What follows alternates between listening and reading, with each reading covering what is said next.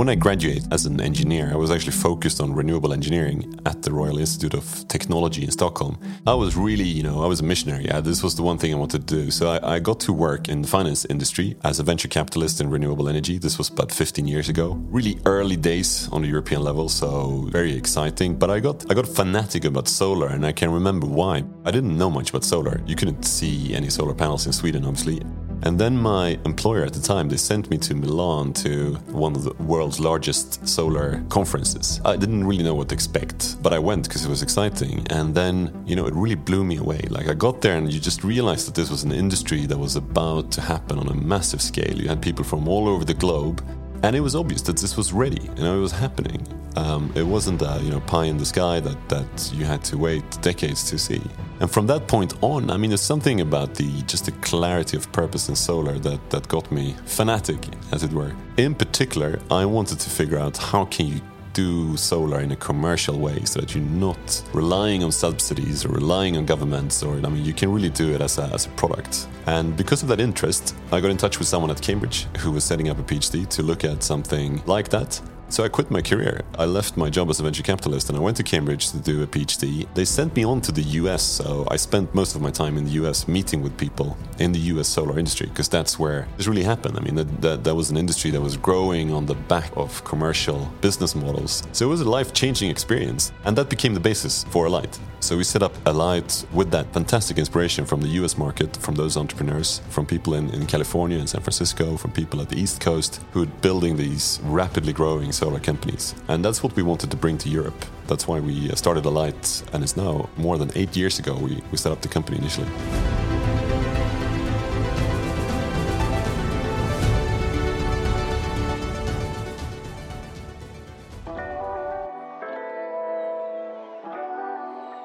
My name is Lisa Rajala Malmgren. I work as the general counsel at Alight um, responsible for all the legal matters. So it's everything from um, negotiating customer agreements, uh, agreements for the construction of our solar plants, um, its regulatory aspects and compliance, like permit related questions for developing our sites. It's also attending board meetings as a director of the board or as a secretary, having uh, contact with our investors as part of approving our projects. So it's it's a variety of things. I would say. I would say that I'm involved in most of the things that we do in, in one way or another.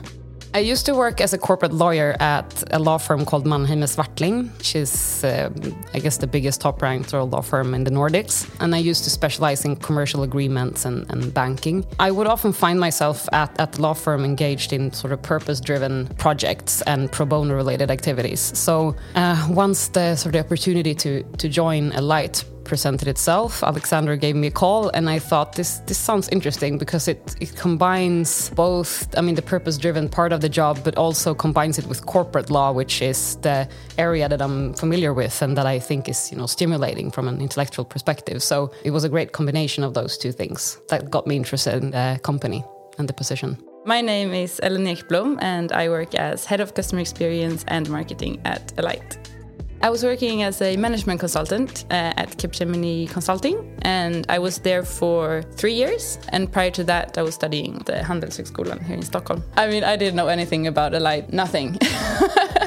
and at that time, actually, uh, our company name was uh. But I was contacted by uh, Harald, one of the founders, on LinkedIn. He was looking for someone to the sales team, I think, a salesperson. And I think I was just intrigued by the fact that it was so different. I mean, I, I got some requests on LinkedIn, and they were pretty much all a bit the same, but this was really different. So that was just very interesting for me, and I had a quick call with him. And then I wasn't sure about the role that he was uh, talking about, but I just felt that I mean, his passion and enthusiasm when he was talking about the company that he had founded and what they wanted to do in the field of solar, that really appealed to me.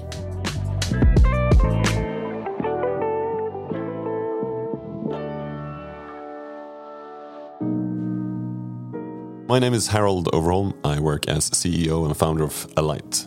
So, as the CEO of Alight, I do a little bit of, of everything, as any CEO does. The few things I do that, that probably no one else is, is doing is I talk to media, obviously, and uh, podcasts and all of that stuff, um, because we are in the middle of the energy transition. It's a timely topic. It's something people want to talk about. So I spend a bit of time doing that in order to tell the story of the company.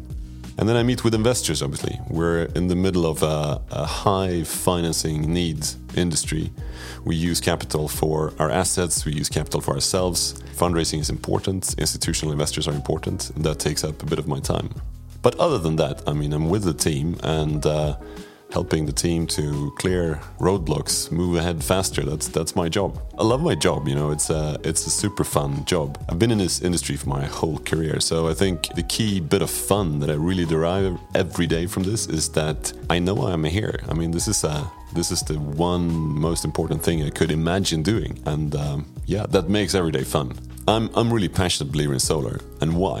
Look, I have that simple stat that I heard somewhere along the line really early in my career, and I can't let go of it. And it's like the amount of energy that hits the Earth from the sun is about 10,000 times the energy we need to power uh, every energy need that we have as human beings. And if we were to do that with solar panels, with like the technology of today, it would take about, you know, an area about 1% of the Sahara to do it all. And like that's I mean it's simple numbers, but there's so there's such a logical clarity to it. Like I mean of course this is the way to do it. This is the way to power the planet. Um, and I don't mean to say anything negative about wind, for example, which is great, but I've just got stuck mentally on, on the idea that solar is the answer. and I think I think I have a lot of people with me in that because increasingly when we see the long-term projections of the global energy system, uh, solar becomes in, in every projection. It doesn't matter if they come from conservative sources or not. Solar ends up at some point being like the dominant force of the energy system. But it's like the logical end game, unless we come up with something crazy like cold fusion, whatever. But you know that's for the scientists to figure out. I don't know that, but solar is here now and it's happening.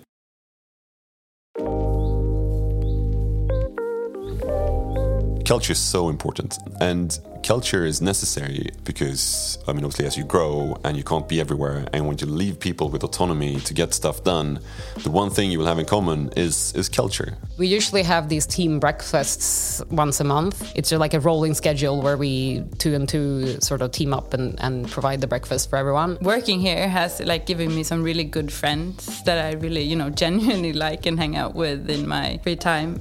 I'm not sure why, but we have a tendency when we have office parties, it's usually some type of rave. I don't know why. we had a forest rave once in the archipelago. I don't think it wasn't planned, it just turned out that way. And we've had a rave here at the office as well. And I think we had one at the old office too. So it's it's becoming a tradition. I'm not sure why, but I guess it appeals to us. It's a it's a festive setup, right? So or setting. We have a group that go out running every Tuesday. We have this running like trainer who comes and uh, helps out, and everyone goes running, or a lot of us at least just before Christmas, my son got really sick, so we had to go into the hospital with him, you know, several times visiting the ER. I was just surprised by how many of my colleagues actually cared, uh, you know, to check in with texts and calling. And it was like, because I was feeling bad that I couldn't really contribute to the team that week, but that was really nothing that anyone complained about. It was just, I got so much support. So that was really nice. Culture starts with entrepreneurship, so an entrepreneurial culture where everyone in the company is supposed to work entrepreneur in an entrepreneurial way, you know, get stuff done, figure stuff out, find a pathway to remove obstacles and move ahead without asking for permission. So I think our culture starts there. You know, ask for forgiveness and not for permission is, uh, is something you'll hear me say frequently. I myself started out my, my career really early on at, the, at a startup, uh, even before going to university, I was at that startup. And one of the things I brought from that experience was that it allowed me to be an entrepreneur and understand what that meant and just figure stuff out, solve solve problems without a roadmap. So that's where culture starts.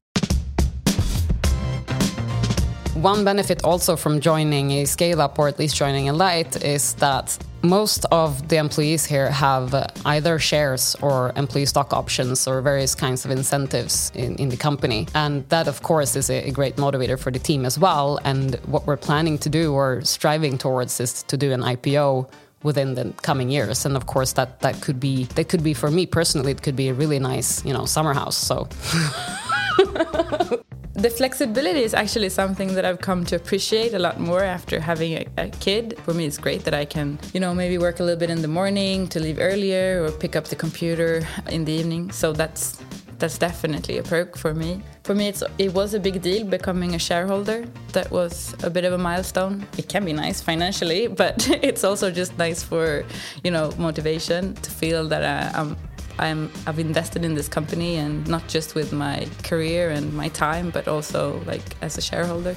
Yeah, so the benefits of working at Alight, and I mean just on a pure personal compensation package level, is we, we, like to think that we are somewhat competitive in terms of the basic things like salary, etc. But, but, we don't actually have an ambition to stand out in that regard because we think we attract people on, on, other merits. Where I think we do stand out is, is the ability to be a part of this entrepreneurial journey and buy into it, literally. I mean, so we create constant opportunities for people to buy stock in the company, either buy secondary shares that are owned by someone else who, who for some reason wants to sell them, or get stock options to be able to buy into the company in the future. So that and what's the value of that as compensation? I mean, look, that depends on how much you believe in the company. So there's like this really simple way of, you know, weeding out the people who believe in us. Like if you believe in us, you also believe that that's going to be massively valuable, and that's that's great. Then you should join the team.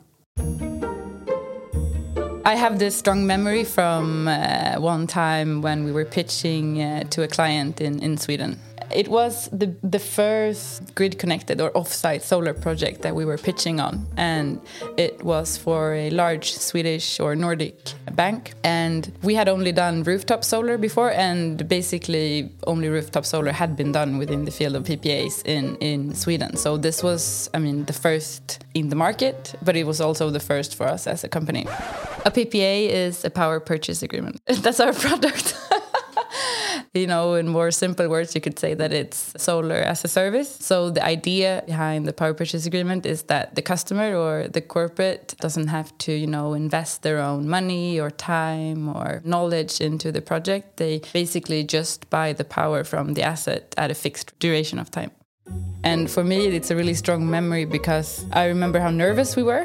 I mean, we spent a lot of time answering this RFP and we learned so much while doing it. We had to answer questions around, you know, uh, module supply and how are we going to build this park and what references do we have with regards to building large scale solar parks and how are we going to do O&M or operations and maintenance on a large scale solar park. And it was amazing how we, you know, came together as a team to answer that RFP because everyone was doing this for the first time. We just, you know, stood up to the challenge and did the best we could. And we were qualified, so they had like a qualification process. First, we submitted our first proposal, and we went to the first round, which was a, you know interview presentation. I think it was like a 45 minute presentation in their offices, and we were five of us going from Alight. And I don't think I've ever been that nervous for a customer presentation before. It, it was really a lot at stake, and it was a, such a big big opportunity for us as a company, but also, you know, in the market. So I don't think I'll ever forget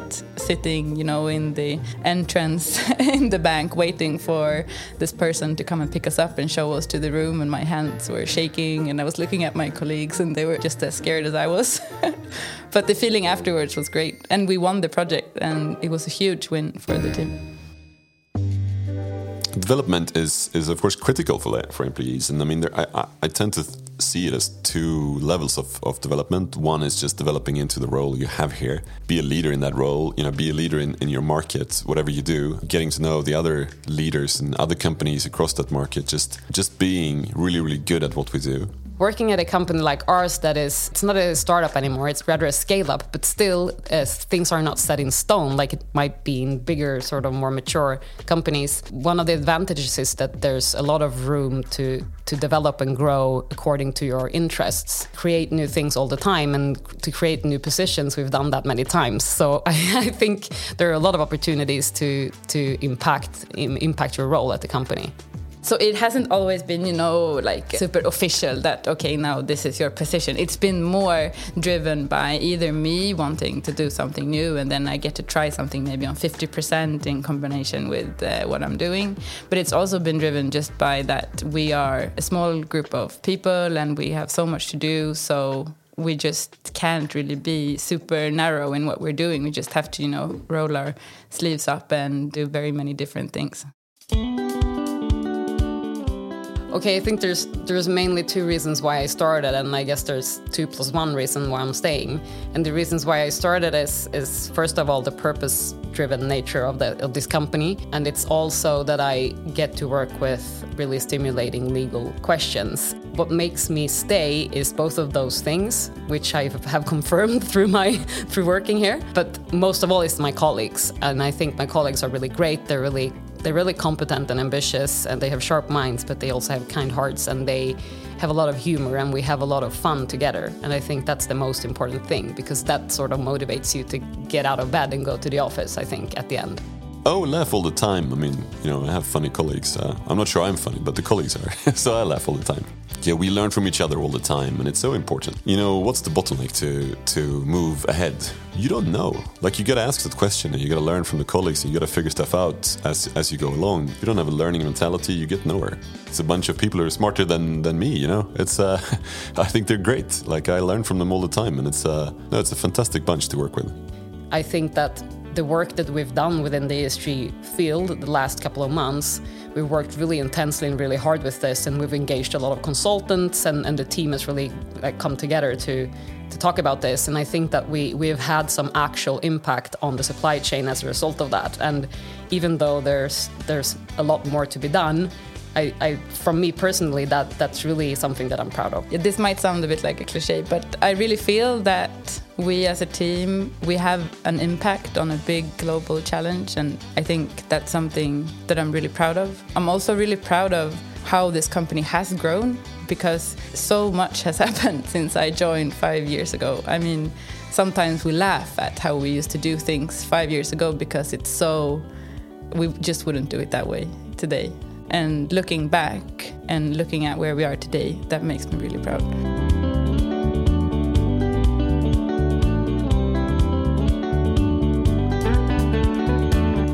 You've just listened to Jobcast. Would you like to get to know more companies? Download our app at App Store or Google Play